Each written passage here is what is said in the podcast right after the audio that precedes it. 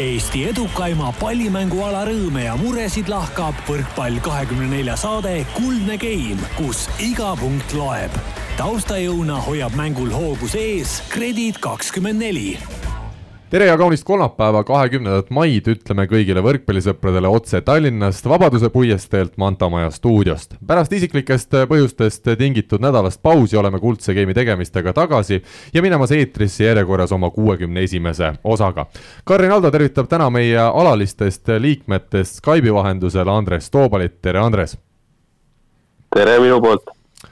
no eriolukord on saanud läbi, kas ka sinu elus on juba äh, naastud nii-öelda tavalistele rööbastele või oled veel kuskil kodus nelja seina vahel kinni? ei, ma olen ikka eriolukorrast äh, jätkuvalt veel äh, ikkagi maal, aga mitte, mitte et keegi sunniks mind, et äh, ma olen väga hea meelega siin, et mul on nii-öelda minu jaoks hakkab, hakkab pihta esimesest juunist ja, ja senikaua üritan Tallinnat vältida. mis sul esimesest juunist siis pihta hakkab? Äh, hakkame naistekoondisega vaikselt pihta, et äh, praegult on juba nii-öelda individuaalsed kavad on kätte jagatud jõusaalis, et äh, nüüd, nüüd siis ei pea enam, enam koduste vahenditega trenni tegema, et saab ka jõusaalis käia ja, ja esimesest hakkame jah, siis juba Rainer on siis nii-öelda esimene vastutav ja, ja teeme sihuke üheksa päeva juba, juba väikestes gruppides pallitrenni ja ja, ja, ja jõusaali ja siis kui juba, kui juba siis äh, Itaaliast ka tullakse juba kohale, et äh, siis, siis, äh, siis äh, läheb juba asi niimoodi edasi mm. -hmm. nii et esimesest juunist hakkab Eesti naistekoondis pihta ja millal nüüd need esimesed mängud teil kavas olid?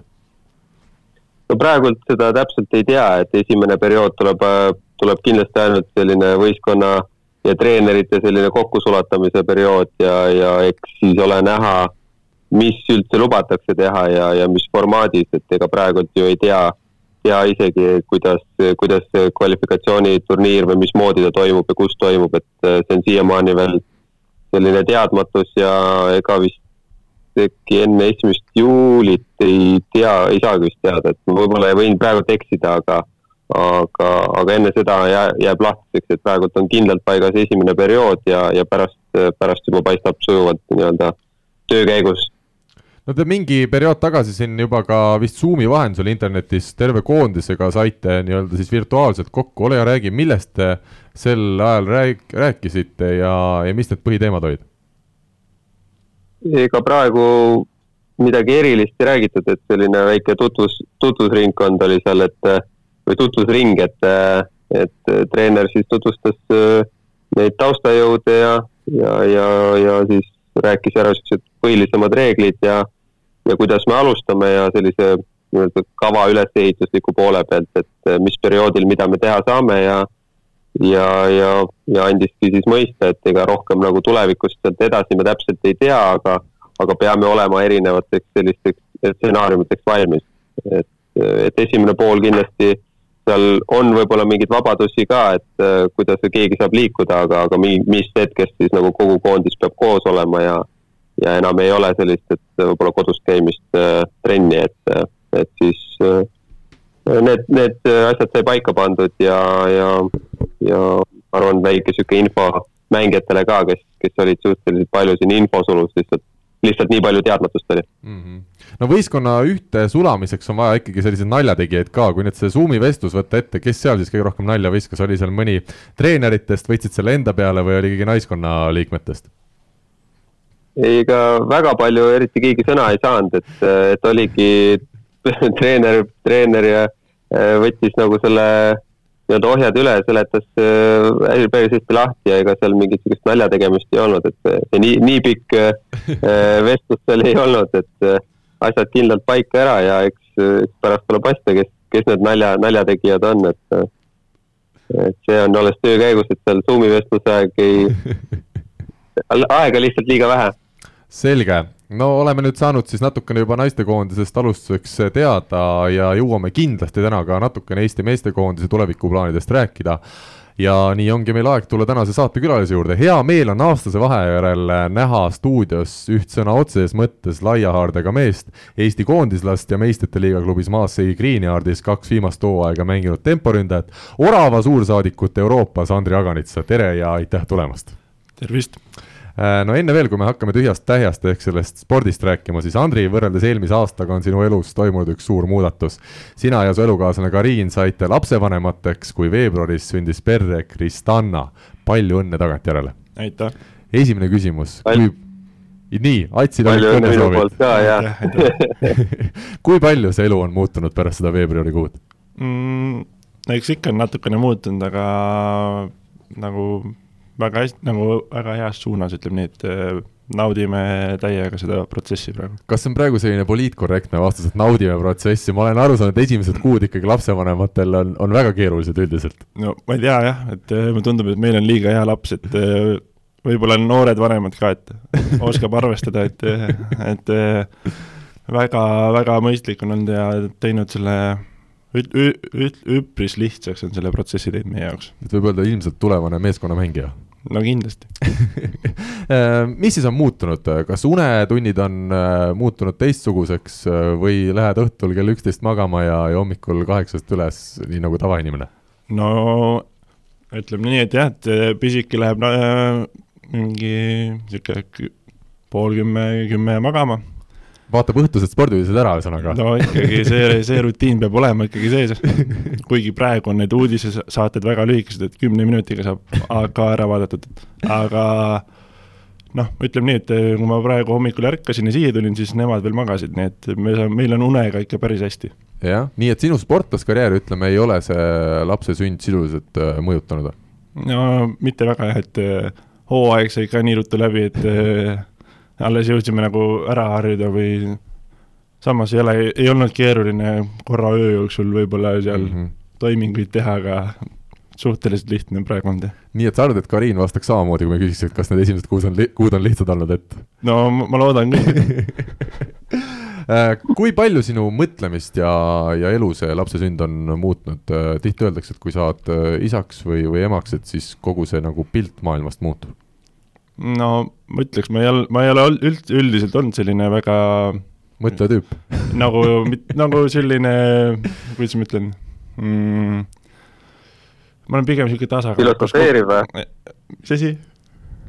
filosofeeriv või? ei nagu et hakkad elu üle järgi mõtlema okei okay,, et kuidas ma ütlen, ma ei ole nagu selline olnud, et kes äh, väga palju midagi korraldaks kogu aeg ja pigem olen niisugune rahulik ja tasakaalukas kogu aeg olnud, aga et kindel on see, et nagu midagi on see peas ka muutnud, et nüüd on ikkagi kogu aeg, vaatad kõrvale, siis näed, et üks väike tegelane, kelle, kelle, kelle jaoks sa oled põhimõtteliselt iidol, et või noh, see, et tema elu sõltub ju paljuski sinust, et see on nagu selline huvitav mõttekoht, et ma arvan, see ongi kõige suurem muutus olnud, et mm., et noh, tegelikult tema, tema jaoks olemegi meie kaks ju eluks, eluks toimetulemiseks ainukesed variandid, et see ongi kõige suurem muutus, et mm. palju ta, ütleme, mängude mängimise ajal on sul mõttes, et sul on laps, kas see annab mingit lisamotivatsiooni või siis sa oled täielikult teisel lainel? ja pigem siis on ikka täielik teine laine, aga noh, ütleme nii, et no hooaeg saigi lihtsalt nii, nii ruttu läbi, et, et ta jõudis kaks korda tegelikult juba jõudis saali ka, et, et ta on nagu protsessis sees, et.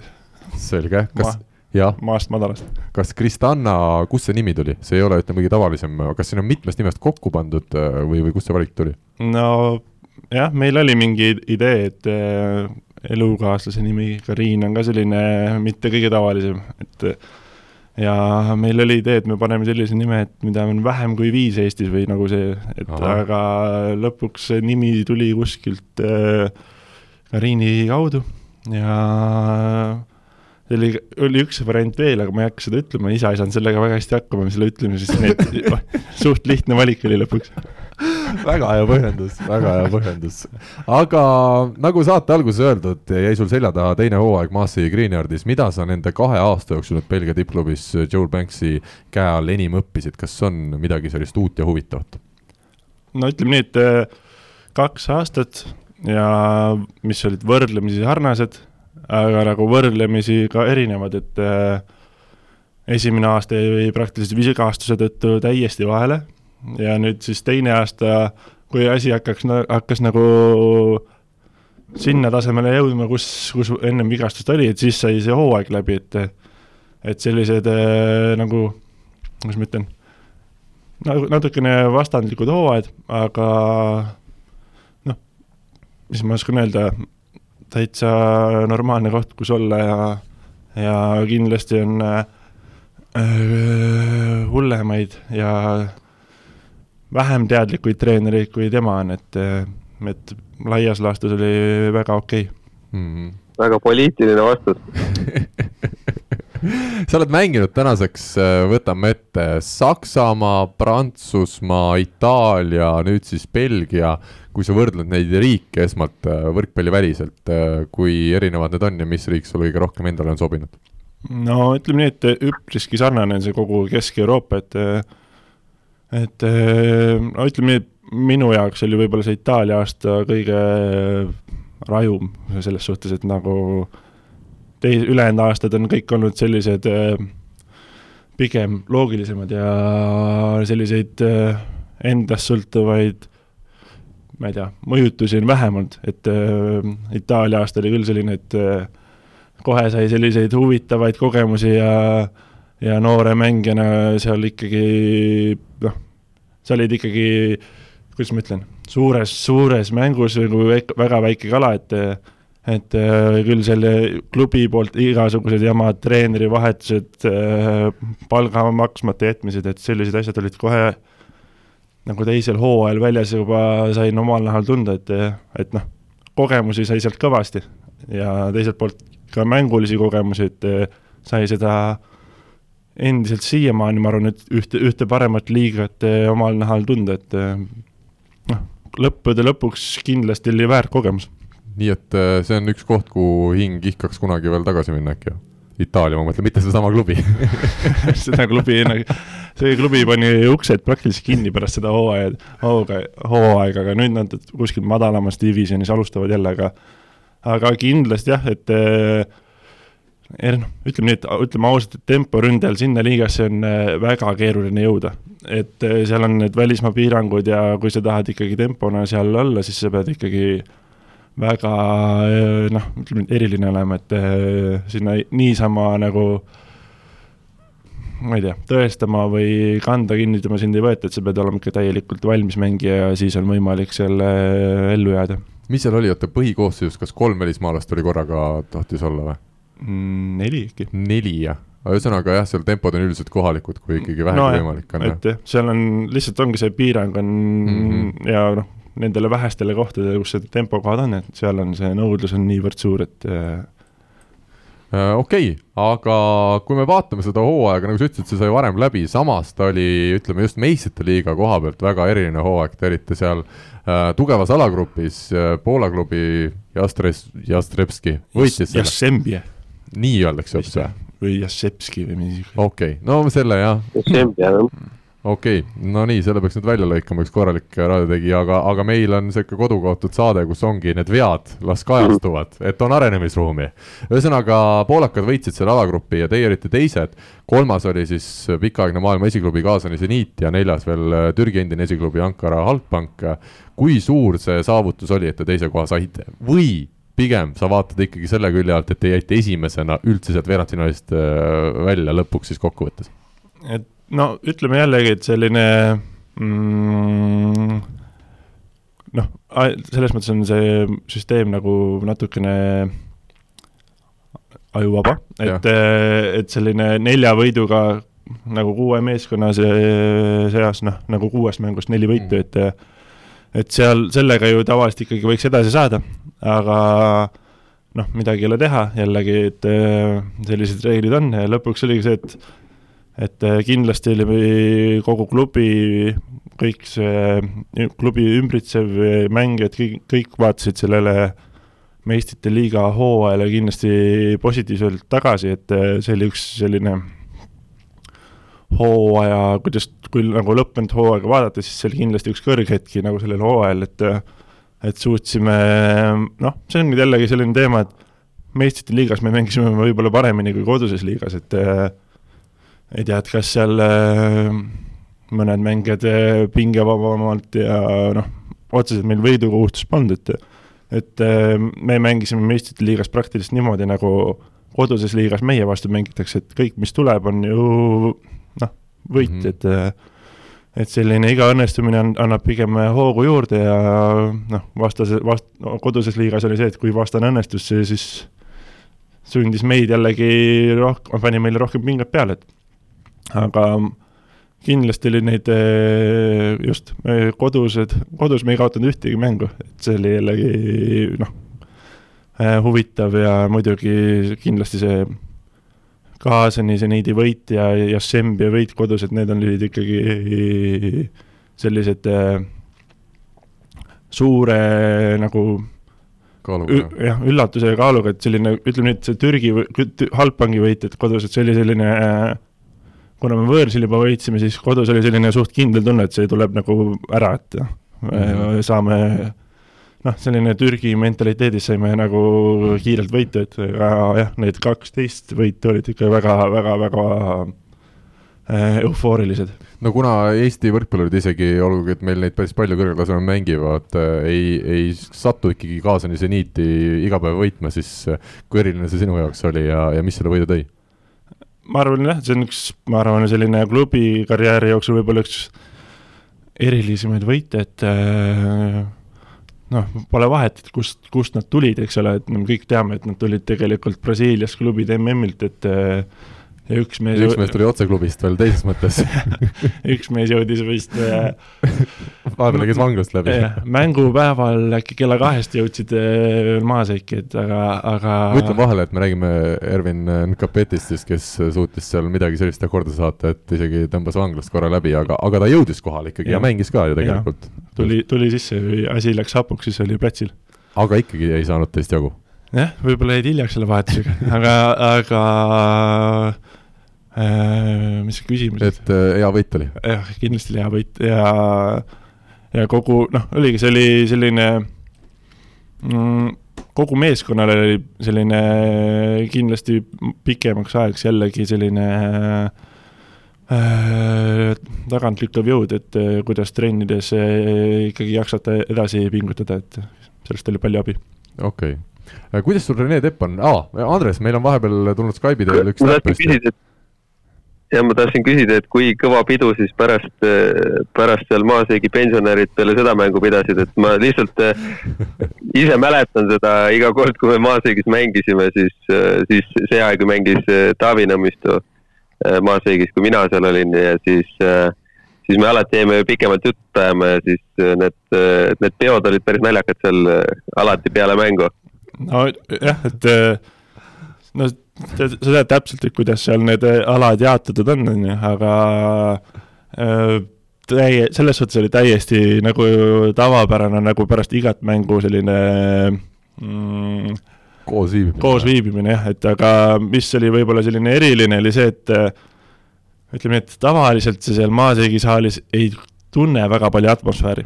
et selline, pigem on selline, et noh, inimesed eeldavad, sa võidad seal ja kui sa ei võida, siis oleks, ollakse nagu eriti mm., eriti nagu, ma ei tea, pahased või endasse tõmbunud või selline, et noh, selles suhtes on nad selline päris uhke re regioon seal, aga aga see kaasine mäng oli tõesti selline, et kuidas esimest korda ma seal olles tundsin seda nagu mängides ka, et eh, kogu see viies game elati meile ikka väga-väga niisuguse hooga kaasa, et eh, noh, kindlasti aitas see ka meid, et eh, et eh, noh, sellised pisiasjad lõpuks eh, mängivad rolli. kas Maasseiga on nii väike koht, et seal ikkagi võrkpall on A ja O ja seal on tänaval näha neid eh, pilte ja kuskil poodides on Andrei Aganitsa nägu kuskil nähtaval või, või kuidas seal selle reklaamiga on? ütleme nii, et ma, mm, selline seal Maaseigis on ainukene profimeeskond, ongi see võrkpallimeeskond, aga noh, linnapildis ikka on need mingid postrid ja reklaamid, aga po-, poes vist pole veel, pole veel näinud, aga lihtsalt ongi see, et äh, see keskus on juba selle, selles linnas ikkagi väga suur osa, et noh, väga niisugune modernne kompleks, et kõik, sul on äh, jõusaalid, ujulad, saunad su, suur spordisaal, et uus, et kõik on ühes hoones praktiliselt, väga mugav on seal selle, selle koha pealt kindlasti. Andres, sul hakkasid koerad haukuma vahepeal või? Mul hakkasid jah, siin tuli inimesi juurde ja siis koer andis märku, et keegi tuleb. väga hästi.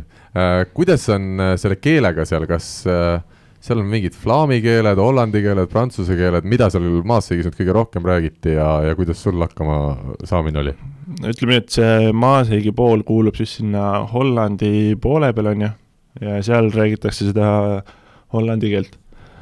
ja noh, sealt poole Belgia pealt läheb ju see prantsuse keeleks osa, üle, et aga nagu belglased ikka, et nagu meil on ju nagu, tihtipeale Maaseegis on hästi palju neid äh, välis, hästi palju välismängijaid ja kogu selline võistkonnasisene suhtlus on, suhtlus on inglise keeles, et noh, välja arvatud eelmine aasta, kui oli kolm eestlast, et siis siis, siis oli Lindpere oli seal üks mees, ma mäletan. Peatreener oli Lindpere.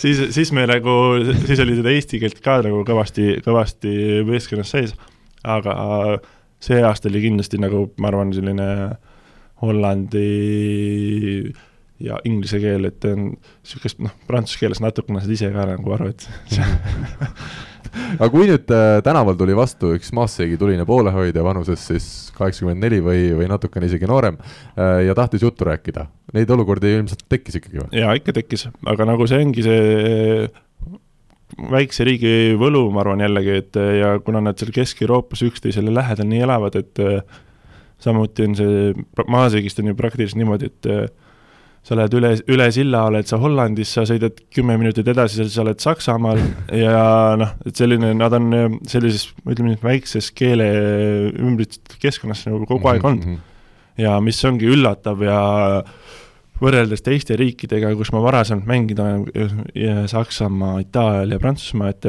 seal kõik vanad inimesed räägivad väga puhtalt ja väga vabalt inglise keelt. jah ja., aa nii isegi, jah?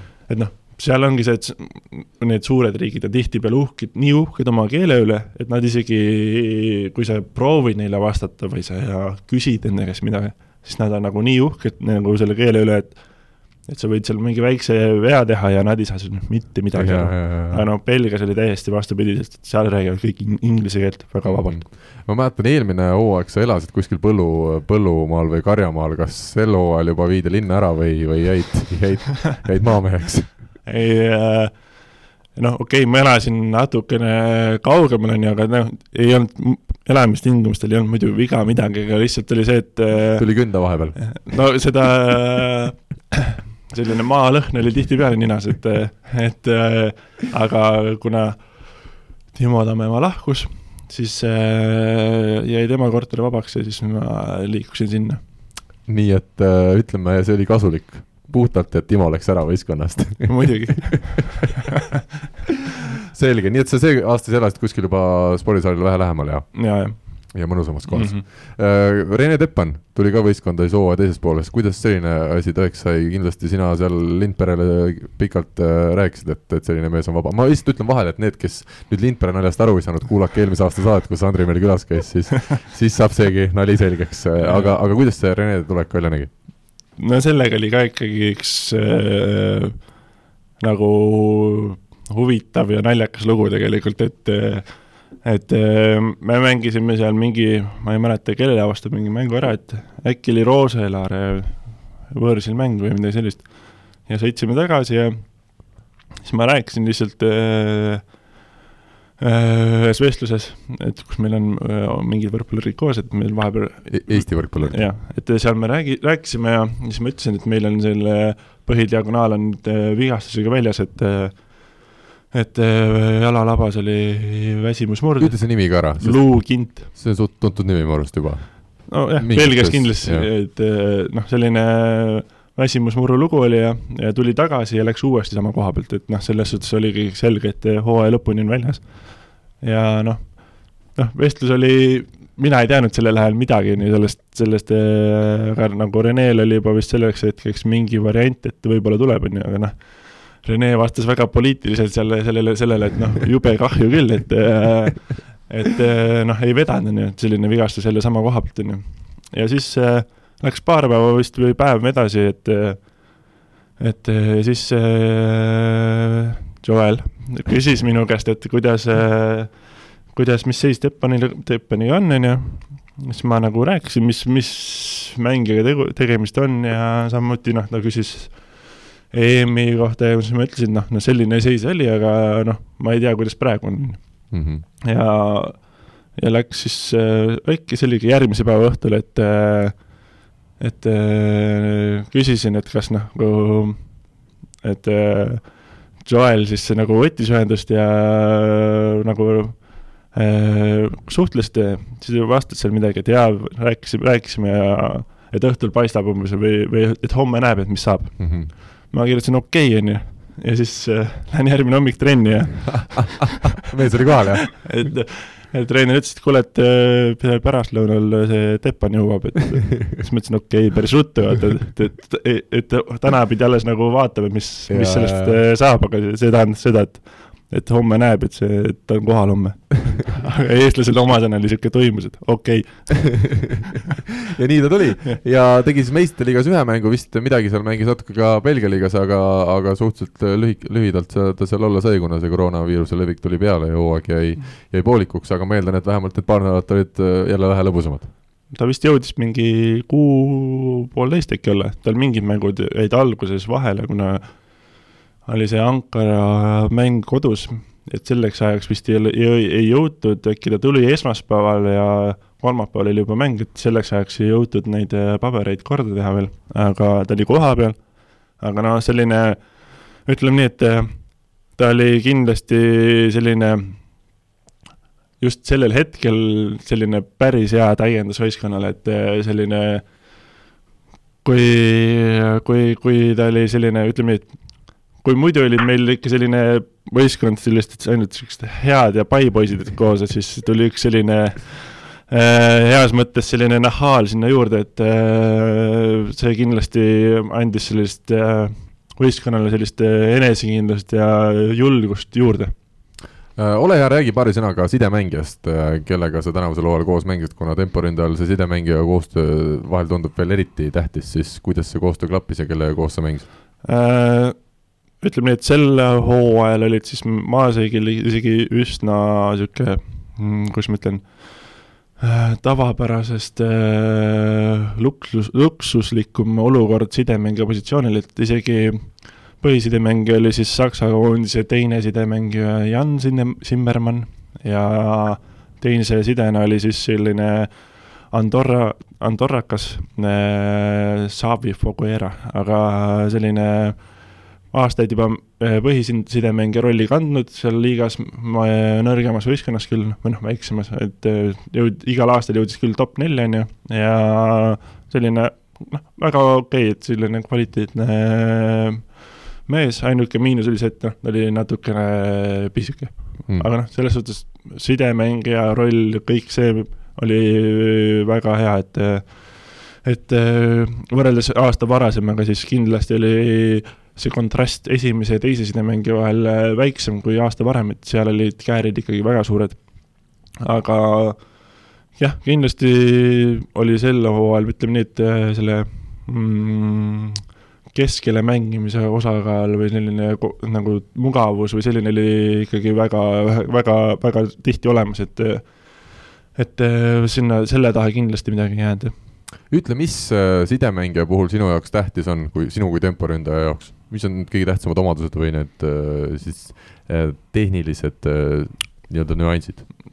ma ei tea, et tehnilised nüansid, ma ei tea, temporündaja tehnilistest nüanssidest, mis ta ikka teab, vaata, aga selleni me jõuame saate eesotsas kindlasti aga ma arvan, kõige tähtsam isegi on selline sidemängija puhul ikkagi selline äh, liiderlikkus ja selline mm, võistkonna eestvedamine ja selline noh, tema isegi noh, tema ikkagi puutub praktiliselt seda palli kõige rohkem, et tema suunab seda mängu ja ma arvan, see mängu suunamine ja ja õigel ajal õigesse kohta nii-öelda laskmine, nagu tõstmine ja selline mängu lahti mängimine ongi kõige suurem äh, nagu selline jah, et noh, sellised, ma ei tea, tehniliselt võib-olla on lihtne neid äh, harjutuste käigus ja neid äh, rõngastesse lasta äh, nagu palli tõsta ja ja mingeid kombinats-, kombinatsioone mängida nagu erinevate kutsungitega,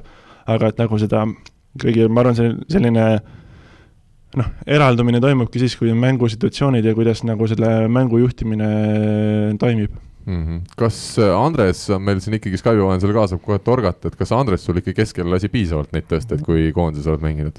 muidugi Andres, oli nii?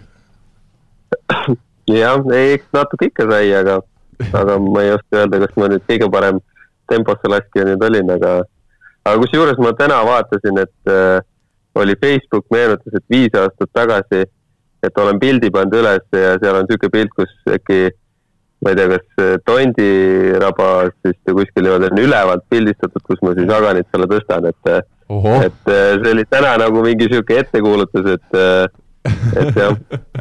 juubelisaar jälle. juubelisaar et jaa, aga, aga Aganitsaga on tore jah, see, ma tahtsin enne vahepeal küsida, et mitu korda sa anitasid, et võrreldes eelmiste aastatega, et või tähendab, kui see aasta tundsid paremini ennast nende sidedega, et siis äh, kui, kui palju, palju sa nüüd rohkem lõid või palju anitasid? Ütleme nii, et, äh, et ma, noh, hanitada on mulle alati meeldinud, et, et võib-olla, võib-olla väljaspoolt võib-olla tundubki see, et nagu minu hanid tunduvadki sellised, et äh, no kindlasti ta, ta tahtis lüüa praegu, ta lihtsalt nagu umbes lõi mööda sellest pallist, et, et see pall sinna kuidagi maha mingi kööbakaga kukkus, aga, aga nagu sel aastal oligi, vahepeal oli nagu äh, ka siin nagu õlaga oli selline periood, et nagu noh, vahest ei osanudki, jooksis ikka täitsa kinni, vaata, et noh, tahad ja teed ja, ja, ja ei tule, et siis, siis tihtipeale nagu noh, jookseb täi-, täiesti kinni, onju. et aga selline hani, ma arvan, minu mängus pole veel, ei, ei kao kuhugi, et kindlasti see seal saab olema küll kuule, aga selline küsimus nüüd, äh, kas temporündaja hanitab vahel ka täiesti meelega siis äh, olukorras, kus ta saaks kõvasti rünnata vaata, sellega ongi see, et, et nad kindlasti tahavad ja, ja Andrei eriti veel, sest ta näeb neid kohti, kuhu hanitada, onju, ja tal polegi vaja lüüa. aga vaata, siis on see, et, et targad äh, võrkpallikommentaatorid ütlevad selle ja näed, tõste ikka madalaks, et ta oleks kõrgemale et eba, ebasõla on jälle sees.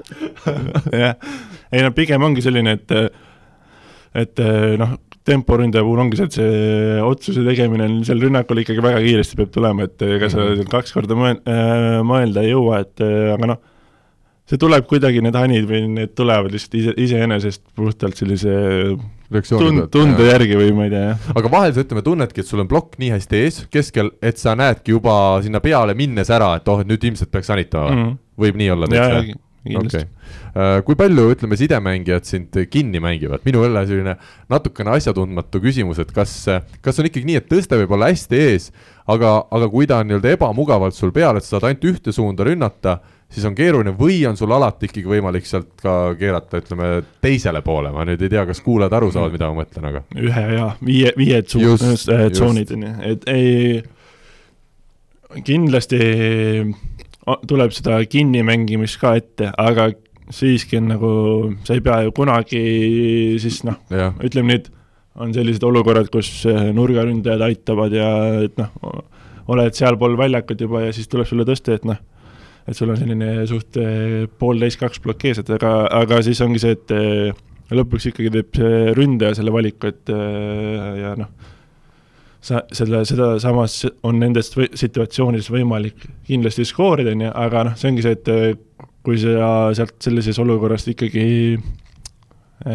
blokeeritakse sind ära, et siis sa, siis võid ainult endale nagu tuhka pähe raputada, ütleme mm. nii Äh, mis mind jälle on huvitav, mida ma olen temporündajate käest varemgi küsinud, et te olete selline natuke tänamatu töö tegijad, et kui sina saad kuskil black, plokis näpud vahele ja tänu sellele tuleb kaitses palju üles, siis ega see kommentaatori keskmine, ega ta ei näinudki võib-olla, et need näpud seal vahel olid, ikka ta kiidab seda venda, kes lõpuks siis ühese ploki vastu sealt nurgast palli maha lööb. kas see valmistab sulle tuska endale või sa tead, et meeskonna sees kõik saavad aru, et kes ütleme, tegelikult tehti selle punkti autor oli?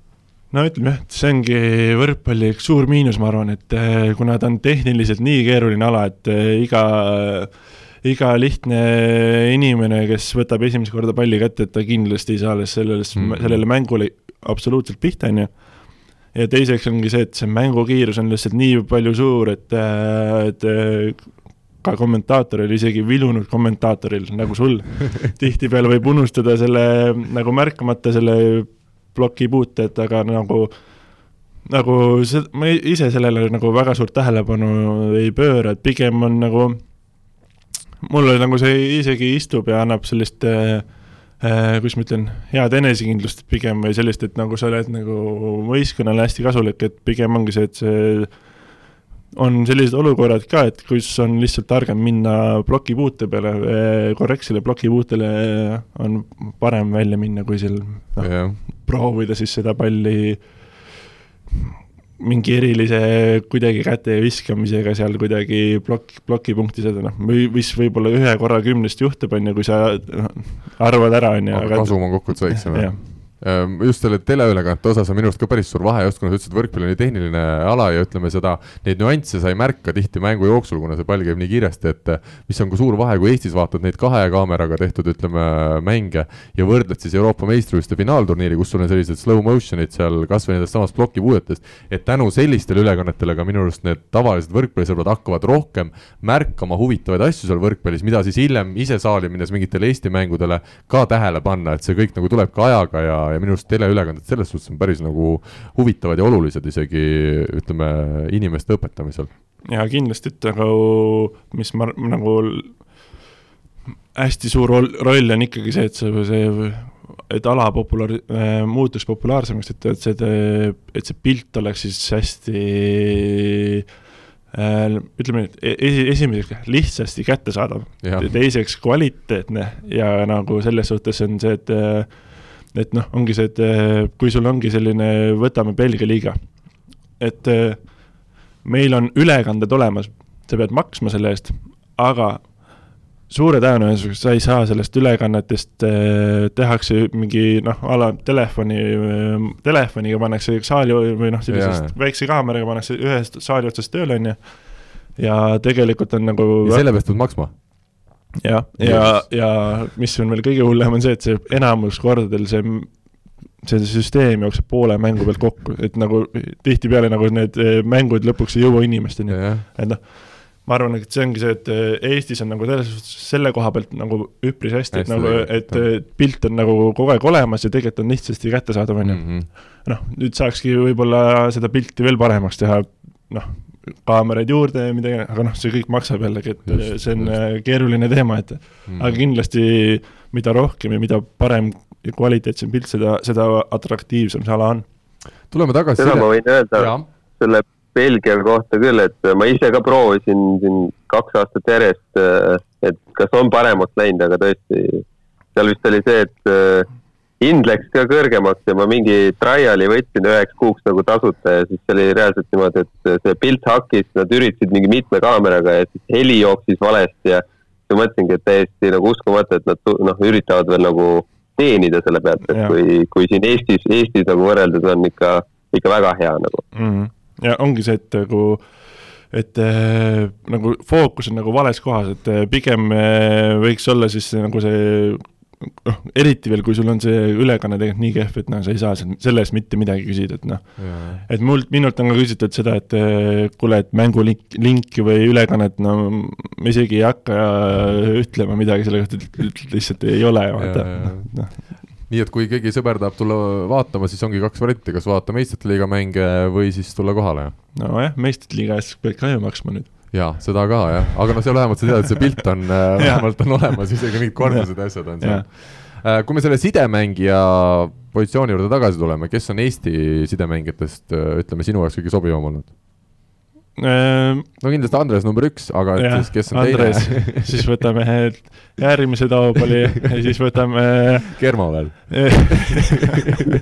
ei, ei tegelikult ma arvan, selline äh, Markus Keel ka mängib päris hästi keskel, et äh, ma arvan, see on Markuse võib-olla isegi üks tugevusi hetkel, et kuidas ta keskele mängib ja ta julgeb nagu seda, neid äh, sinna mängida ka, et äh, noh, võib, ongi see noorte sidemängijate puhul, ma arvan, üks suurimaid miinuseid ongi see, et äh, kuidas sa temporündajad kaasad mängu, et mm -hmm. tihtipeale on, nad seda ei tee ja siis rünnak jookseb kinni. aga jah, ma, ma arvan, üldiselt ma arvan, ma ei ole väga selline pirtsakas ka tõstet üle, et mulle suht kõik sobib. anna enda ette ja kuidas sellega on, et päris paljud tempod ütlevad, et neile meeldib, äh, kui on lühikesed sided tõstavad. et siis jääb nagu rohkem aega, et no ma just mõtlen, kas Roniga sul näiteks oli hea klapp, kui te ja, ja täitsa okei okay oli, aga ma ütlen, et nagu ma ütlen vahele, Ronald Järvest käib jutt. ja, ja., ja pigem on, ütleme nii, et mulle kõige keerulisem võib-olla mängida selliste pikkade sidedega. noh, ei ole keeruline, aga lihtsalt on nagu see ta on ise juba nii kõrgel ja kui ta sealt tõstab, et noh, selline nii teistmoodi rünnak nat,. natuke teistmoodi, aga vahepeal on just, just sel aastal oli see nagu kontrast veel, veel nagu, nagu selline suurem, et ma arvan, et see põhiside oligi niisugune meeter üheksakümmend midagi peale ja see teine side oli kas oli äkki selline kontsadega meeter seitsekümmend no,? ei, ta oli niisugune seit-, ma arvan, ta oli mingi seitsekümmend midagi mm, -hmm. seal on ju mm -hmm aga nagu vahepeal mind häiriski see, et mulle just vastupidiselt, et mulle nagu see, et see pall lendas vahepeal nagu liiga kaua, et nagu see tema käest tuli see pall nagu liiga kaua välja võtta, et noh, ta peab lihtsalt kõvemini lükkama, vaata, või, või noh mm, -hmm. et siis on see okei okay.. aga laias laastus pole vahet. sest ma ise mäletan ühe korra, kui ma olin suht sihuke noor ja Raimo Pajusalu ütles mulle siukse lause, et ära hüppa nii kõrgele, et umbes, et tal on nii kehva ajastada mm. -hmm. et kui ma nii kõrgelt tõstsin, et siis see pall, palli puutumisest ja noh, kui ma, kui jätad selle seisma sinna või natuke tõstad, et see on nii lühike, et ta ei jõua selle ajaga nagu siis enda mingeid suunasid äh, välja võtta, et kui pall mm -hmm. nagu vähe pikemalt liigub, et siis mm, -hmm. siis on aega natuke rohkem mm. -hmm. aga noh, sihuke asi mul meeles ja see vaata sihuke, kui sa oled ise noor sidemängija, ma olin suht sihuke esimest korda koondises ja keegi sihuke väga-väga sihuke noh, ütleme niimoodi Äh, respektiga vaatad äh, siukse mehe otsa, kes ütleb, siis siuksed asjad jäävad meelde ja mm -hmm. ma olen nagu alati üritanud mõelda siis selle peale ka, et äh, kui, kui, kui tempodele tõstnud on.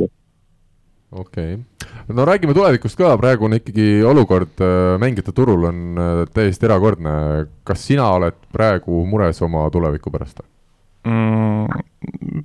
hetkel veel ei ole, et äh, pigem on niisugune üsna rahulik, et samas ongi see, et meil on alles maikuu, on ju äh,. imelik on see, et tegelikult oled sa juba kaks kuud praktiliselt kodus olnud, et noh, selles suhtes selle aja peale nagu tavaliselt on juba olnud, kui sa nii kaua oled mm. kodus olnud, on ju. Aga nagu jah, kõik nagu see, kuna see, see olukord on lihtsalt nii teada, et nagu igal pool on see koroonast tingitud äh, jamad, on ju, ja ebaselgust on hästi palju siis ongi, et nagu ma ei tea, et mis ma ikka muretsen nagu nende asjade üle, mis otseselt minust ei sõltu, et äh, pigem äh, vaatad siin rahulikult ja ootad, et eks, eks varsti hakkab see asi selgemaks ka kindlasti minema ja noh, fakt on see, et turg ju täielikult praegu ikkagi möllab juba, et mm -hmm. noh, kogu aeg on tegelikult möllanud, et noh. kas sinul on praegu, ütleme, pakkumisi konkreetselt tulnud juba?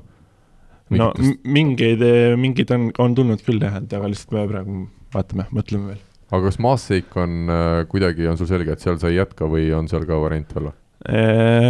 seal on ka veel äh, rääkimist. Kas see vastab tõele, et kui me rääkisime siin saate alguses Itaalia liigast, kus ongi väga raske temporündajal pääseda sinna välismaalt, sest üldiselt võetakse diagonaalid, nurgad ikkagi või siis sided veel mm. välismaalt, kas kas ütleme, sinu puhul nüüd vaadates seda eriolukorda, kus tahes-tahtmata ilmselt on ka teistes liigades äh, rohkem rõhk äh, oma mängijatel, on sinu nagu väljavaateid see teinud kehvemaks või? Mm, no ütleme nüüd, need, need liigad on nagunii kogu aeg olnud äh, üsna keerulised, noh, minu jaoks olnud jõuda sinna, on ju. Mhm.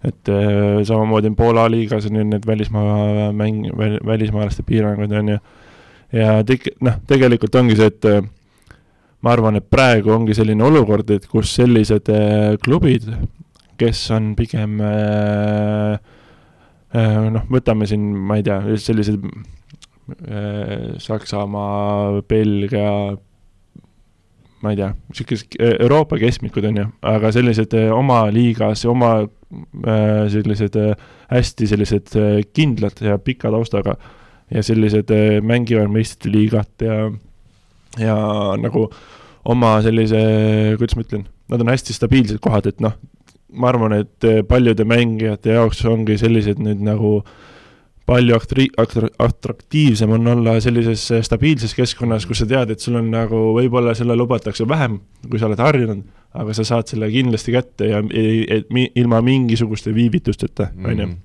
Äh, või kui siis võta, ma ei tea, Itaalia kindlasti mingi Poola klubid, et eh, sulle lubatakse üks, siis saad midagi sealt kätte, siis ootad pikalt eh, ja käid siis kohtus vahepeal võib-olla ja jah, ja siis on, on, on nagu hooaja lõpuks võib-olla saad mingi hetk, saad selle kogu, kogu asja kätte, et noh, et noh, sel-, ma arvan, selline olukord kindlasti nagu praegul turul on ja kindlasti on see, et äh, klubid kasutavad seda täiega ära. noh, eks see ongi niisugune või-, või-, võitlus mängijate poolt ka, et ja klubide poolt, et selline hetkel nagu leian, et sellised stabiilsed klubid kasutavad seda täi-, täielikult ära. ja samas ongi see, et eh, tänu sellele on kallimad või nagu kogenumad eh, mängijad, kes on nagu, kelle, kes varasemalt ei olnud nende klubide vaatevinklis, on ju, noh, nad lihtsalt ei suutnud eh, konkureerida eh, teiste klubidega. aga et nüüd on kindlasti see koht, kus nemad on nagu just nendele mängijatele atraktiivsem. mm. kas sa oled sellega leppinud juba, et uuel hooajal sa ilmselt teenid vähem kui lõppenud hooajal või? või see nii üks-ühene ei ole või nojah, vist tuleb leppida. Mm? -hmm. aga palju sa nüüd just nagu siis rääkisid sellest turvalisusest, et äh, kas sa valid siis ise ka natukene rohkem veel selle järgi, kuigi noh, sa juba praegu mängisid Maastrichtis, kus see oli nagu päris turvaline? noh, selles suhtes ongi üks, üks variant ongi jah, et see on väga sihuke hea koht, on ju. Mhm. ja teine variant on lihtsalt see, et nagu äh, samas noh, sul on ikkagi see, kuidas ma ütlen, spordimehelik hing või selline, et sa tahad äh, ikkagi noh, ka sellisest äh, sportlikus vaate või nagu väljundi koha pealt nagu äh, uut, uut väljakutset, uut, uut sellist, et selle, selle koha pealt kindlasti noh, seal mõttekohti on palju tegelikult, et et praegu on nagu, ma ei tea, raske, raske öelda, et noh, olukord on lihtsalt selline. Teppan siin ütles, ma ei tea, kas see oli üks intervjuu, kus see jutt oli, et kui sul oleks see hüppelt serv veel ka ampluaas olemas, et siis oleks täielik maailma tipptempo ründaja, kas sa oled selle väitega ise nõus? kas sa usud, et seepärast sul on veel, ütleme, see viimane samm tegemata jäänud Euroopa kõige tugevamatesse klubidesse? no kindlasti on see, et see servi, servi teema on selline, et äh, serv on hästi oluline, on ju, noh, selles suhtes mängus, et äh, eriti, praegu, kus see mäng on ja läheb aina kiiremaks ja tehnilisemaks, et noh, sul on äh, niivõrd raske lugeda seda mängu, kui, kui see kui see serv on kogu aeg käes ja sealt sellest mingist erilist ohtlikkust ei ole, et noh, ja ma tean, et et see on, mulle on juba varemgi öeldud, et kui oled seal viimase kahe mängija seas, on ju, kelle vahel tehakse valik, et noh, ühel on lihtsalt hüppelt serv, aga võib-olla ma olin terve hooaeg tema, temast parem, on ju, ja ja noh, selliseid, selliseid valikuid on, on ette tulnud, jah. kui palju sa selle servi kallal nüüd vaeva oled näinud ja kas sa oled sellele ka eriti mingit rõhku pannud no ütleme nii, et eelmine suvi tegelikult üsna ei kusagilt või noh, ütleme, et see teine koondise tsükkel hakkas, on ju ja siis äh, Gretu tuli siin minu juurde ja ütles, et kuule, et, et äh, no nüüd hakkad umbes hüppelt panema. no selge on ju. palju sa, kaua sa ei olnud löönud hüppelt servi tolleks hetkeks? ma pole, ma tegelikult nagu Selveris ma proovisin. kaks tuhat kaksteist, ma vaatasin mingit mängu, mida Rivo kommenteeris veel, kaks tuhat kaksteist siin koroona ajal ja seal sa lõid hüppelt servi kusjuures, jah? jah, ja nagu siis ma nagu, ma läksin ikkagi suht noorelt vaata välismaale ära ja kohe ma sattusin, olen kogu aeg tegelikult sattunud sellistesse võistkondadesse, kus on seda hästi palju on olnud seda hüppeltservi vaata juba sees. ja siis on äh, no vaata, kui sul on selline, sa oled ise natukene ebakindel, on ju, oma selles hüppelt service'i või selles ja siis on sul nagu need vead on kogu aeg ees, vaata, või vahepeal ja siis oledki noh, sa lähedki selle planeeriga, lööd selle mängu, on ju. Mhm. ja siis see on kuidagi lihtsalt jäänud, et, et aga noh, ongi see, et fakt on see, et midagi tuleb teha serviga, et, et, et siin konkurentsis püsida aga nii, et sa oled äh, nüüd seda, ütleme natukene rohkem võtnud seda keskmesse? nojah, et äh, sama, noh, oligi see vestlus, et äh, samamoodi see hübriidserv, et see, kus sa lööd planeeriva ülesviski pealt, lööd selle nii-öelda käe peale, et selle hakkab, on ka nagu vastaste, vastase vastuvõtjatele keeruline lugeda, et mis servi ta võib-olla nüüd siis lööb, on ju, mhm. et et noh, fakt on see, et tuleb, tuleb sellega töö, selle kallal tööd äh, teha mm. -hmm. Andres, on sul vahepeal mõni põnev küsimus tekkinud seal kaugel-kaugel pealinnast? No ei, selles mõttes ma kuulasin hoolega, et ma, noh, siin vaata oli justkui Rivo mingi päev mingis saates rääkis, et noh, et tuleb kõvasti tööd teha, et, et saada ja noh, ta arvas äkki mingi neljast kuust või midagi siukest, et et äh, seda jah, võib-olla saabki siuksel seda saaks sellisel ajal teha, kui, kui nagu hooaega ei toimu, et sa muidu nagu lihtsalt julmalt väsitad ja need hüpped, asjad, aga, aga saalivõrkpalliga ongi see jama, et noh, rannas sa lähed, lähed välja, on ju, teed, on ju, kui sul on vähe pikem hooaeg, on ju, aga, aga saalis niisugust, niisugust aega, et üksi peksta, peksta seda palli, et see, see läheb lõpuks nagu nii väsitavaks, et sa ka, nagu kaotad midagi, midagi muud ära, et ega see lihtne ei ole, see servi, eriti no, et kui sa planeerivalt üritad teravamaks saada, see on nagu lihtne, on ju.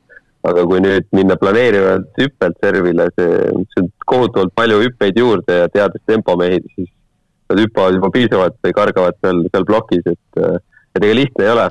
ma lihtsalt Andrile nii-öelda toetuseks ütlen, et lihtne ei ole, aga, aga kindlasti kui, kui, kui sa selle nagu edasi saaksid arendada, kasvõi sellest jah, hübriidiks, et siis ja selle nagu stabiilsemaks, see oleks nagu, ma arvan, päris päris kõva, kõva võti, et me praegu võime Poola liigastki näha, et seal, seal paar tempot, kes, kes võivad ikka päris, päris korralikult retsida seda, seda vastuvõtu osakonda õnnega hmm..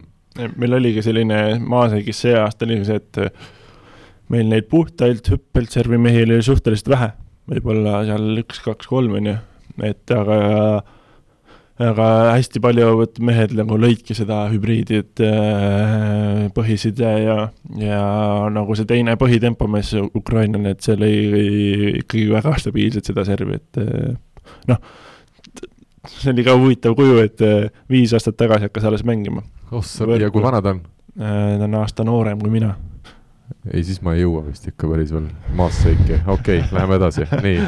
aga jah, et tundub, et ongi see nagu need ähm, nagu võrkpalli puhul ongi see, et nagu need sellised tehnilised nüansid on ju, et mis sul on nagu nii sisse harjunud, et mm -hmm. nendest on jube raske lahti saada, et äh, võib-olla ongi sul nagu palju lihtsam on sellise vanemana ja kui sa nagu tunnetad ja koordineerid oma keha natuke paremini, et neid, neid liigutusi selgeks õppida, et noh, et noh, seal on see tohutult tuleb tööd teha ja tohutult on vaja kordasid, et see, et see lihtsalt äh, toimima saaks. Esimese saateosa lõppu veel kaks kiiret küsimust, kui me räägime eelnevatest hooaegadest ja sellest, sa ütlesid, et siin ka mingi kahe vahel on jäädud valima lõpuks, kas võetakse sind, sind või kedagi teist, mis on olnud kõige kõvem klubi, kes tänasel päeval, tänaseks päevaks on sinu vastu huvi tundnud mm,? niimoodi, oota, mõtlen. Neid on nii palju võta üks ja viska teist. no eks mul on, äh, mul on olnud kui võr-, noh, mul on olnud huvi Poola liigast, mitmed äh, klubid. tippudest? keskmikest. aga. see keskmik on seal ka, ütleme, päris kõva, jah. jah, aga ongi sealt, et noh, lihtsalt sealt on öeldud ka, et äh, võtame siis selle mm, -hmm. kellel on see hüppeltserv, on ju. aga ma ei tea, konkreetselt, noh, Prantsusmaalt on ju lihtne samamoodi, seal on nagu see keskmik ja tipp on üsna võrdne, on ju, mhm. aga nagu võib-olla Toursist pole huvi tulnud, on ju, aga ülejäänud klubidest on praktiliselt igalt poolt on nagu huvi olnud, et äh, nii et Timo on ikka selles suhtes samm ees.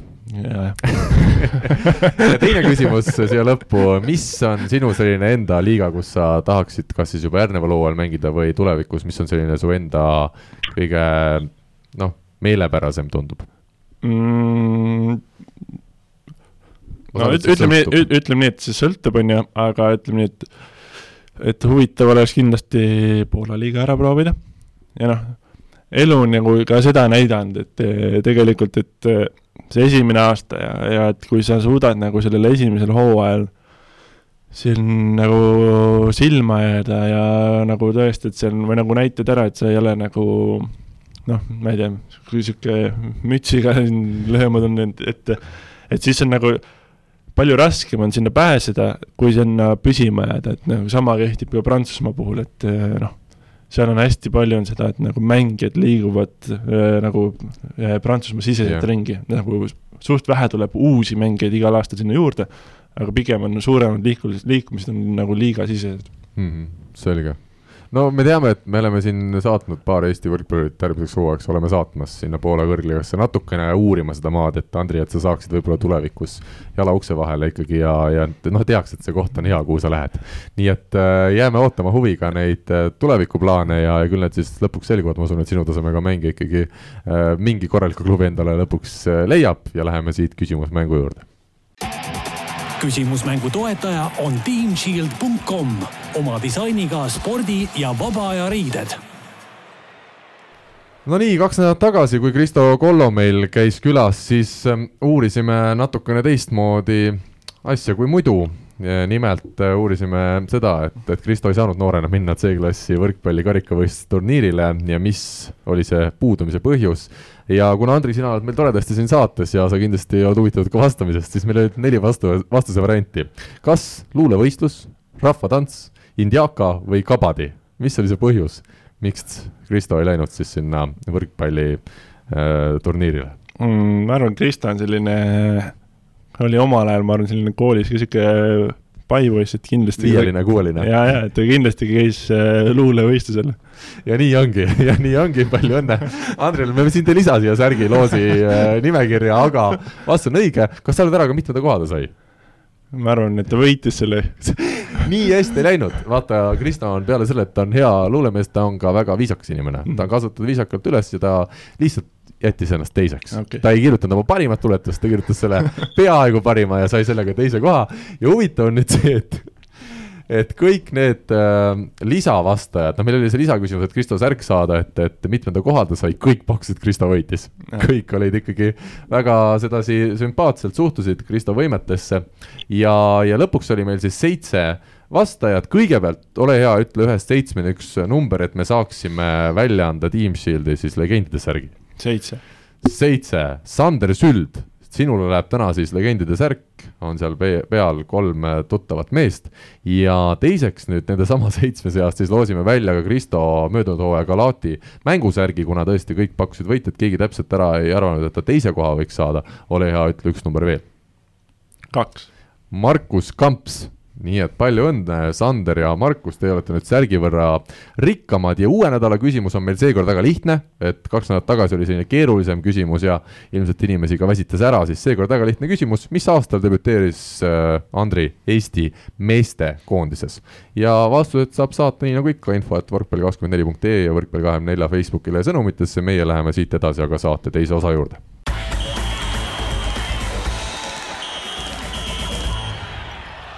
ja saate teises osas oleme otsustanud peatuda siis äh, Andri lapsepõlvel, kuidas juhtus üldse nii, et Võrumaal, Venemaa piiri lähistel, paarisaja elanikuga Orava küla, Orava külas sai ühest poisist võrkpallur?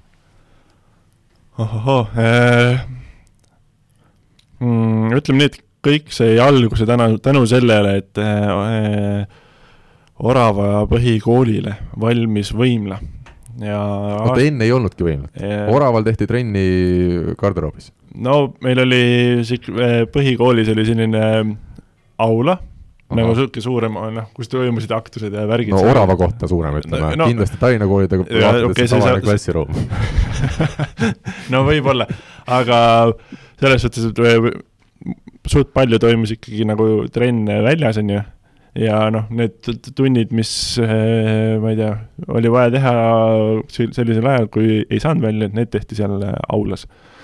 ajasite koorilaulud välja ja tegite saalioki? Õnneks seal muusikaklass ikka oli olemas, et, et ei olnud probleemi, aga, aga siis kaks tuhat neli sai see saal valmis seal vist ja siis äh, noh, ütleme nii, et tänu sellele, et selline võrkpallifanaatik nagu vend on, et tänu, tänu temale see kõik alguse sai, et et tema siis tuli oma lendlehtedega sinna kooli ja jagas igasse klassiruumi laiali need, on ju. kui väike see kool on? no palju ütleme, see, see aeg, kui mina olin koolis, siis ma arvan, meil, meil oli klass, kooli kõige suurem klass, meid oli kuusteist. ja äkki seal oli õpilasi kokku oli äkki sada kakskümmend mm. -hmm. et eh, noh, nüüd on, nüüd on nagu juba asjad sealmaal, et on liitklassid ja, ja just see nüüd on isegi vist niimoodi, et eh, lasteaed ja kool on ühes majas, et eh, noh, inimesi on jäänud nii, nii palju vähemaks. aga jah, et siis hakkasid trennid pihta seal ja, ja, ja noh, lõpuks meil oligi selline kahe-kolme selline nagu klassi jagu poisse, et noh eh, kes siis alustasid, on ju, kaks tuhat neli ja lõpuks kaks tuhat üheksa lõpetasid selle põhikooli, et nagu sinnamaani käidi koos nagu kogu aeg trennis, on ju, ja kolm korda nädalas. ja siis pärast seda siis nat-, natukene, natukene läks nagu laiali, on ju, aga nagu noorteklassid ja kõik sellised võistlused me mängisime ikkagi koos läbi. nii et lõpuni välja või? jah ja see, aga mis see siis võistkond oli, see ei olnud ju Orava puhtalt, ta oli Orava, laiem? Orava põhikool. oligi nii, jah ja.? ja mis teie kõige kõvem saavutus noorteklassis, ütleme siis äh, Vendu Suurmanist käib meil jutt, kes ja. on tubli mesinik eelkõige, aga sama tubli on ta võrkpallitreenerina. jah, et äh, me olime, tihtipeale me olime niimoodi, et äh, me olime seal on kolm tugevusgruppi, on ju, ja me olime ala, alati teise piiri, nagu Eesti teise, teise grupis esimeste seas, on ju. ja siis me mängisime alati seda, neid tsooniturniire, et noh, kas sa siis tõused esimesse või ei tõuse. noh, ja siis meil oli tihtipeale, mäletan sellist võistlust, kus oli Rene Teppan oma võistkonna, Kevin Soo nii-öelda noh, oma võistkonnaga, siis oli nagu Orava ja et äh, selliseid võistlusi oli päris, päris palju, et Keviniga me mängisime päris tihti nagu üksteise vastu, et äh, ta oli seal Tartu pundiga, et noh selles suhtes ma arvan, et eh, kindlasti no eh, tehti väga head tööd, et eh, selles suhtes, et kui võrrelda, et selline väike maakool saja õpilasega, et siis noh, praktiliselt ko-, kooli kolme klassi võistkond, et see, see võitle-, võist-, võistles siis nii-öelda suure linna, linnade võist-, võistlus, võistkondadega sama, samal tasemel. nii, aga mind nüüd huvitab see, kas sina olid seal võistkonnas põhitegija? Või äh, olid sa tempo ja tegid oma asju nii-öelda, aga, aga punkte pidid mingid eesvennad tooma? ütleme nii, et tegelikult see oli kõige pikem. Kõige ohtlikum, vaata. Aga, aga alguses oli kindlasti see, et äh, ma mäletan, et selline C-klass või D-klass, et, et sel, seal olid nagu isegi teised mehed natukene rohkem liidri rollis kui mina vedasid seda võistkonda, olid nagu, nagu ikka, et mingid mehed arenevad kiiremini, on, koordineerivad paremini, no ma väga hästi ilmselt ei koordineeri. jõuame sinna, jõuame, nii ja, ja ütleme nii, et ma arvan, et sihuke C-klassi lõpp, B-klassi algus sealtmaalt oli äh, kindlasti juba see, kes äh, nagu vedas ka seda võistkonda ikkagi olulisel määral mm. -hmm. ja no seal, seal ma olin ikkagi nurgaründaja. ohoh, nii et sa võtsid ka servi vastu, jah? see näitab ikkagi, et teil olid rasked ajad seal Araval aga endale sulle meeldis nurgas mängida?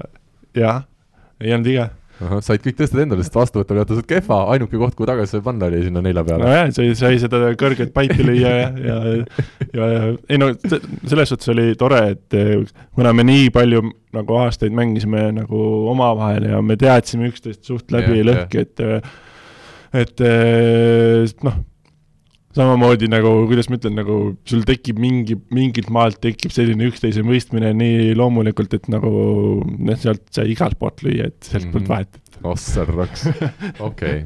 Äh, kas sa olid pikk juba väga noorest peale?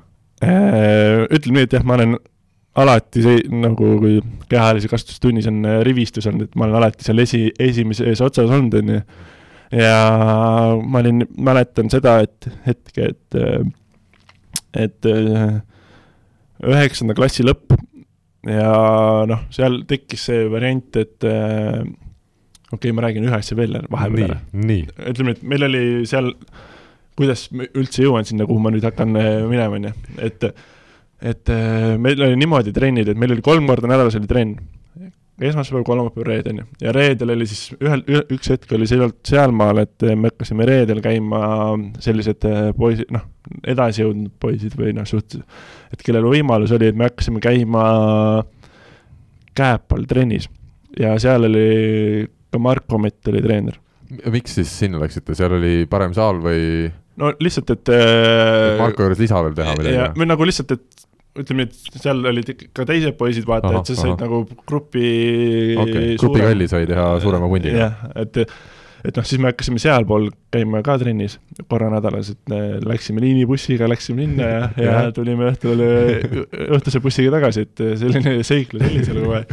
aga, aga oli niimoodi, et noh, pärast seda põhikooli lõppu, seal lõpp hakkas tulema, on ju, olid need viimased sellised noortevõistlused, on ju, ennem keskkooli minekut, et siis hakkas seal mingi jutud, et noh, et äkki proovid seda Audentest ja, ja nii ja naa ja ma ei olnud selleks hetkeks midagi kuulnud sellest Audentesest, noh, selles suhtes, et siis äh, läks nagu sinnamaani, hakkasid need Audentese need katsed tulema, on ju, ja ja siis oli niimoodi, et äh, ma mäletan niisugust lauset, et äh, läksin siis sinna vestlusele, on ju, seal oli kas mingi õpetaja ja treener siis selle ala, on ju. ja vestlus läks hästi, on ju, ja siis mäletan, et et äh, ukse peal nii-öelda Raul siis ütles, Reiter, et, et et pikk oled? ma ütlesin, et meeter üheksakümmend kaheksa ja siis no ütleme nii, et siis võtame, võtame vastu, kui äh, sügisel oled kaks meetrit täis. ja olid? ja siis ma olin, sügisel läksin, siis ma olin kaks null üks äkki. ja õnneks sain kooli. ja palju sa täna oled? ja, ja kümnenda klassi lõpuks olin äh, kaks null seitse ja siiamaani rohkem, rohkem pole tulnud ja ei ole ka vähemaks jäänud vähemalt. Äh, sest need ajad ei ole veel kätte jõudnud. kui me räägime nüüd sinu sellest kõrgusest, kui sa paned käe püsti võrgu kohal ilma hüppamata, kui kõrgele sul näpud ulatuvad? Äh, ma võin eksida, kas oli kas kaks seitsekümmend kaks või oli kaks seitsekümmend neli, et selline, selline seal, sealkandis on kuskil. ma nüüd ütlen nii, et mina mängin rahvaliigat ja meil mõnel vennal on see hüppega seesama, on see kõrgus nii et sina saad põhimõtteliselt ilma üles hüppamata, kui on väga hea tõsta, saad palli ikkagi suruda või? ikka jah, nojah, ma saan suruda, saan. no Andres, ikka mõnel, mõnel mehel on elus kuidagi hästi läinud või? Ei no kuskilt peab see ja, tagasi ka tulema, see, see koordinatsiooni teema, et ma küsin. osadel pole väga palju vaja, vaja jah, et, et saavad lihtsalt hakkama. aga ma küsin nüüd äh, siis, tulles juba selle Audentese spordigümnaasiumi teema juurde, sa ütlesid, et sa ei olnud sellest väga palju midagi kuulnud, kas see huvi tuli Rauli poolt, oli tema sind kuskil võistlustel näinud või sa läksid ise sinna sisseastumiskatsetele? Vot äh, hea küsimus, äh, no kindlasti noh, Eesti on vaata niivõrd väike, nii et äh, ma võib-olla kõike ei tea, aga ilmselt või treenerid ikkagi omavahel nii palju suhtlevad ja kui kedagi kuskil nähakse, et ja kel noh, võib-olla arvatakse, et sealt võib midagi tulla, et ju ikkagi räägitakse läbi, et mm., et ma arvan, et äh, võib, ma ei, ma ei ole kindel, et ma olin äh, Rauliga varem äh, suhelnud, aga kindlasti jah, et ma mäletan ah,, üks naljakas seik oli veel, et üheksanda klassi lõpp, seal oli sihuke esimene noortekoondise kogu, kogunemine. ja mind kutsuti ka sinna laagrisse. Ja noh, ütleme nüüd esimest korda mind ei valitud võistkonda. Ja, ja nagu võeti mingid teised mehed et äh, siis äh, noh, ma ütlen, ma arvan, et sealt maalt oli ka kindlasti äh, nagu selline kontakt, et järgmine siis aasta Audentesesse mm. -hmm okei okay., mis, kui me sellest Raulist räägime, on öeldud seda, et kui sa sinna Audentesesse jõudsid, olid selline suur koordinaator ei, e, ma saan aru, et sa oled nurka mänginud seal Oravas, aga see on ikkagi teine asi, kui tulla Tallinnasse, eks ole. ja, ja sul ei olnud see tehnika kõige parem. Äh, kas, äh, kuidas see tulema hakkas, mida, kas Raul hakkas sinuga eraldi midagi tegema või sul lihtsalt aitas sellest, et sa iga päev tegid mitu korda trenni ja, ja, ja see tuli iseenesest? Mm, esiteks, oravas ei öelda. oraval, ma isegi juba seda sõna öeldes ma sain aru, et see on vale jaa, aga ma noh, see ongi jällegi see, et nagu näha, et kui, kui, kui kiiresti on võimelised nagu noored arenema, et mm ma arvan, minul oli kindlasti see, et et ma hakkasin nagu korralikult trenni tegema, et no ennem Audentes ma polnud jõusaalis mitte midagi kuulnud, ma praktiliselt olen äh, näinud, noh, okei okay,, maatööd on piisavalt tehtud, selles suhtes pole hullu, on ju, aga aga kindlasti selline pidev treening, äh, noh, ikkagi igapäevaselt kaks trenni ja pluss siis veel mm, nädalavahetusel mängud, et see kindlasti esiteks maht ja kindlasti ka selline tehnilistele asjadele tähelepanu pööramine, et noh, näiteks huvitav näide oli selline, et kümnendas klassis oli niimoodi, et mul oli ju rünnakule mineku tehnika oli nagu selles suhtes, jalgade töö oli täiesti vastupidine. et äh, mul oli, lõin nagu hetkel Ardo Kreek, ma arvan, et äh, mul oli parem äh, noh, parem jalg ees ühesõnaga. ja ründasid ka parema käega, eks ole. et see nagu, kui teised siis nagu, ma hakkasin seda välja juurut-, juurutama, on ju, ja siis äh, Äh, tuli niimoodi, et äh, olid võrgu peal ja nii kui valesti lõid, on ju, nagu selle vale, vana, vana sammuga, et siis äh, Raul ütles, okei okay,, võta pall ja, või nagu umbes pall ära ja läksid saali pikkuses, tegid seda rünnakusammu. ainult seda sammu yeah. ja siis tegid oma pikk-, saali pikkuse ära, on ju, ja siis läksid äh, tagasi ja noh, niimoodi, niimoodi lõpuks see välja tuli. kusjuures minul oli täpselt sama probleem, no ma küll ei ole nii kaugele jõudnud veel kui sina, aga kuidas mina selle välja sain, oli puhtalt tänava peal ma hakkasin tegema neid samme kõndides. sest ma, mul ei olnud see, mul nii raske oli, tuli see välja, aga kui ma hakkasin tänava peal igapäevaselt seda tegema, siis lõpuks ta kuidagi mm -hmm. tuli sisse, et see lihtsalt nõuab sellist meeletut äh, järjepidevust. jah, kindlasti, noh nagu ma loodan, et keegi filmis seda ka ma loodan, et kõik äkki, äkki Audenteses ma vaatan, et kaamerad on seal igal pool, et kindlasti on kuskil peal. nii, aga, aga mis hetkel sa ise tundsid, et sinust äh, võikski saada professionaalne võrkpallur, mis hetkel sa hakkasid seda ideed endas juurutama, et sellega võib ka tulevikus leiva lauale teenida? Äh, ma ei tea, no ütleme nii, et olgem ausad, suht, suht kiirelt on käinud minu jaoks kogu see, need sammud, et äh, vahepeal võib-olla ei paar sammu isegi või kolm sammu vahele. sul on pikad jalad ka. ja kui nagu ütleme nii, et kümnendas klassis ma alles õppisin, on ju, seal eh, noh, põhiasja. põhi, nagu sellist nagu noh, oligi trenni palju, ma arenesin hästi palju, on ju. üheteistkümnendas klassis sain juba niimoodi, et said vahepeal eh, Selveri trenni, on ju, mis oli nagu mega, vaata. et sel, sel hetkel ikkagi kui sa said õhtul, õhtuses trennis eh, või noh, ütleme et hommikul trennis eh, Raul ütles, et eh, kuule, et õhtul ma ei tea, kellelgi on seal tempomeestest, et on vaja ühte juurde, et tule, et, et noh, ütleme nii, et ega olgem ausad, et ei, ei üle nagu see teine pool koolis, see oli selline et pulss oli ikkagi üleval ja selline mm, ootusärevus oli suur, et, et noh alguses oligi kindlasti, et selline suur, äh, kuidas ma ütlen, respekt oli hästi suur äh, nagu nende, nende vanemate, kogenumate mängijate vastu, et alles, alles ma nagu kuskilt tulin ja nüüd ma saan nendega koos midagi trenni teha, et see oli hästi suur äh, stiimul ja, ja niisugune edasiviiv jõud, et ja noh. pluss Aavo. jaa, et noh, see on, see noh nagu ma räägin, et need treenerid, kõik, kes on, äh, kellega kokku puutunud, kõik on nagu hästi palju andnud ja, ja samamoodi oli see, et äh, juba äh, kaheteistkümnes klassis ma olin juba Selveris täiesti pidevalt, et ja aasta hiljem ma siis otsustasin, et ma nüüd teen ühe aasta veel sinna. Okei see ei olnud nii mõeldud, et ma teen nüüd ühe aasta Eestis ja siis ma lähen, on ju, et tegelikult oli niimoodi, et, et äh, oli variant, et lähen kooli, on ju, ja siis äh, seal olid mingi viimased päevad, ma mäletan, mingi avalduste esitamine ja ja siis ma lihtsalt otsustasin, et kuule, et ma võtan aasta rahulikult ja vaatan, mis saab, et äh, ja noh, hooaeg läks ju väga hästi ja ja kulmineerus võiduga, meistritiitliga ja noh, ja sealt oli juba niimoodi, et äh, võib-olla läks seal paar nädalat mööda ja ja juba Saksamaalt äh, treener helistas, et, et äh, umbes, et kas tuled, et, et noh, ega seal pikalt mõelda ei olnud, et äh, minek.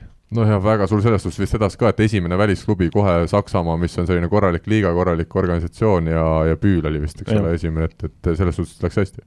ja, ja sel aastal meil oli väga niisugune hea võistkond sai ka kokku ja meil läks tegelikult väga-väga hästi seal kogu selle liiga vältel, et ma, ma arvan, et pärast seda aastat me polegi nii kaugele jõudnud, et äh, me ikkagi jõudsime lõpuks äh, pronksile nii et ütleme, sinul see areng tuli niivõrd äkitselt, et sa ei jõudnud pikki aastaid unistada sellest, et sa kuskil mängid, see kuidagi tuli lihtsalt äkki ja, ja juhtus ja, ja, ja aastatega ja. olid sa juba Selveri põhimõtteliselt ja. Sa-, noh, samamoodi oli see, et nagu ma ei, praktiliselt ei teadnud Audentesest nagu mm -hmm. suurt midagi, nii et järgmine hetk ma olin seal Audentases, järgmine hetk ma olin Selveris, noh, et nagu need sammud olid hästi-hästi eh, suured ja noh, lõpuks ongi see, et ma arvan, et äh, jube ruttu said välismaale, on ju, mis, mis ei ole üldse halb, aga nagu selles suhtes ma võib-olla ongi see, et äh, oma mingite selliste tehniliste ja nõrkade külgedega on lihtsam võib-olla seal Eestis tegeleda mm, -hmm. kui seal välismaal, kus ikkagi iga nädal, iga mäng oodatakse sult sellist äh, maksimaalset esitlust, et noh, see ongi see koht, et noh, noh, valikute küsimus, on ju mm. -hmm mulle meeldib see, kuidas sa ütlesid, et, et kõik treenerid on sulle midagi andnud, et, et sa kuidagi oskasid hinnata seda treenerite panust Eestis ja ja kui ma vaatan ka täna mõnda noort, see, ma ei taha üldistada seda kogu, kogu noorte seltskonna peale, aga et kui isegi noored saavad sinna Selverisse või kuhugi mujale meeskonda, et nad ei tundu, et nad on nii, ütleme, ilmselt koolis ei ole pulss äh, seal väga kõrgel, kui nad kuulevad, et õhtul saab trenni, et pigem, pigem on, võetakse kuidagi, et oh, et ma olen kõva vend ja, ja ma peangi seda saama, et, et kuidagi mulle tundub, et sul need asjad olid nagu peas ka paigas, et, et sa oskasid hinnata neid võimalusi. et noh, ma arvan, et eh, no sel hetkel Selver oli ikkagi praktiliselt koondise nagu sihuke B-võistkond, et noh, need tol hetkel ju mängis, ma arvan, välismaal mingi viis-kuus, võib-olla seitse meest on ju, et ülejäänud olid praktiliselt siin Selveris on ju, et eh, noh, see oli ka juba, juba selline äh, selline fakt, et mis, mis nagu oli ikkagi väga suur nagu noh, sul oligi tegelikult terve päev, sa ootasid seda, et noh, õhtul saab trenni. Hmm.. aga noh, ma arvan, et praegu ongi see, et hästi palju on neid mängijaid on välja, välismaal ja võib-olla ongi selline, et noh, suuresti võib-olla nagu täna on sellised noored, kes on nagu, saavad suhteliselt ruttu selle võimaluse, et mm. meistriliigas ennast proovile panna ja tõestada, et noh, meie tegelikult nägime kolm aastat enne me noh, sellised esiliigas ikkagi vaeva ja, ja noh, kui me saime nägid sina, nägi Teppan ja nägi Täht, eks ole? jah, noh, meil oligi ju selles suhtes oli selline meeldiv progress selle esiliigaga ja noortekoondisega ja selline baasvõistkond on ju, kümnenda, kümnendas klassis me olime kolmandad, üksteist teised ja kaheteistkümnes klassis me juba võitsime siis eh, esiliiga ära, et noh, selline mõnus selline eh, progress ja noh, loogiline tulemus, ütleme nii lõpuks mm. -hmm. räägi mõne sõna Vendu Suurmannist ka, kuna ta oli sul esimene treener ikkagi päris pikalt, mis mees ta on ja kuidas treenerina sulle mõjus?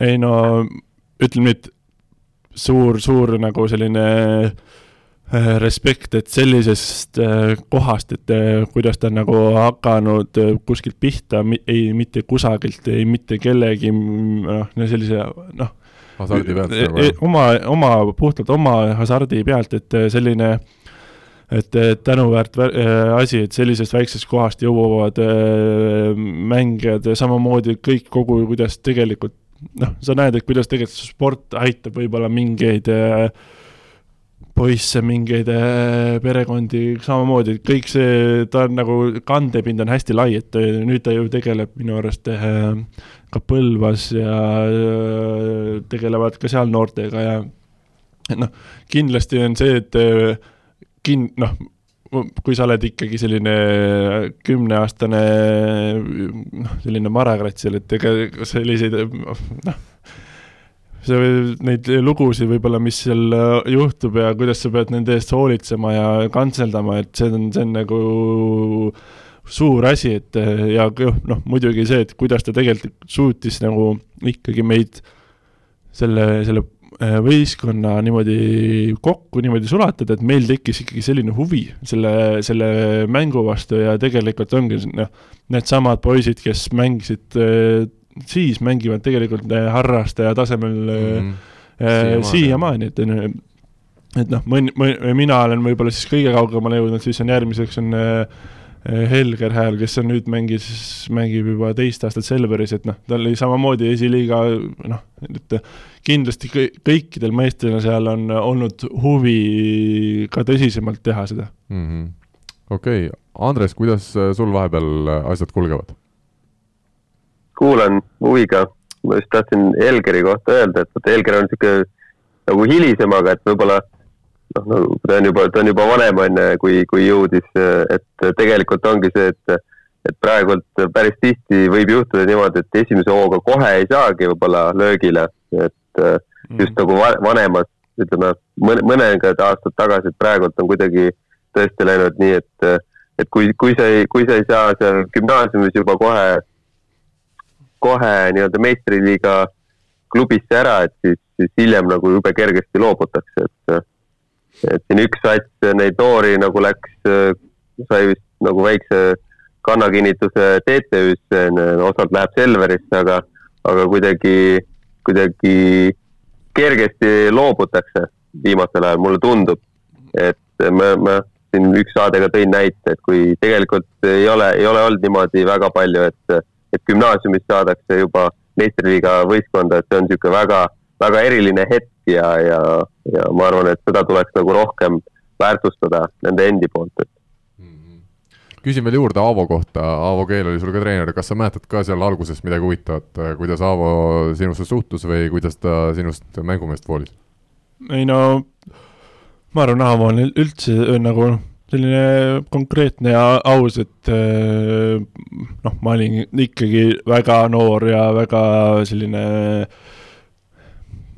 tühi, tühi leht, et äh, mul oli hästi palju õppida äh, tema käest, samamoodi need koon-, noh, kui ma seal koondise piirimail hakkasin tekkima ja kui kui need aastad Selveris ja samamoodi see koondise juures, mul oli iga päev oli hästi selline noh, oligi õppimist oli hästi palju, ma mäletan, et, et kindlasti ta on selline ta oskab hästi kuidagi motiveerida mängijaid ja ta samas kuidagi tunnetab seda mängu ka päris hästi, et kuidas see kuidas need äh, time-out'id ja kuidas na, nagu selle mängu kulgu tunnetab äh, ikkagi päris hästi, et äh, see oli kindlasti, ma arvan, üks tema tugevusi.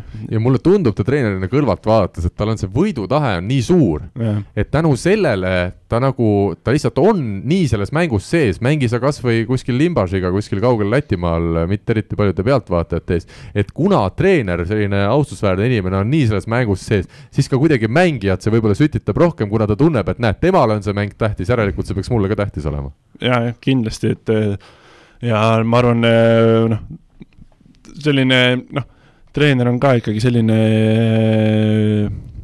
no ta ongi ikkagi võistkonna nagu pea, et, et selline samamoodi lihtne näide, et no ma arvan, et okei okay,, jah, Limbasi või selline noh, nõrgema, eeldavalt nõrgema võistkonna vastu ongi vahepeal keerulisem motiveerida või ei ei kipu tulema nagu nii lihtsalt need asjad, on ju. aga ma arvan, et kuidas on see võidutahe ja selline, ole, ei ole vahet, mis mäng, ei pea isegi, kas või kõige lihtsam, ma arvan, kaardimäng on see, kuidas näitab ära, et eh, ta peab, eh, noh, ta tahab seal ka ikkagi ja, võita, et see on nagu, ma arvan, eh, lihtsalt loomuses sees. No Michael Jordani dokumentaali vist on väga paljud spordiinimesed näinud tänasel päeval ja seal seda võidutahet oli samamoodi näha, nii et kui ESPN-il, kes vist selle dokumentaalsarja tegi, on nüüd vaba aega, siis Aavo Keel tuleks ette võtta, ma arvan, sealt saaks kümme osa kindlasti. lihtsalt neid võib-olla neid vanu kaadreid ei ole nii palju häid, mida saaks seal dokumentaalis näidata. saate lõppu kaht, kaks suhteliselt kiiret küsimust.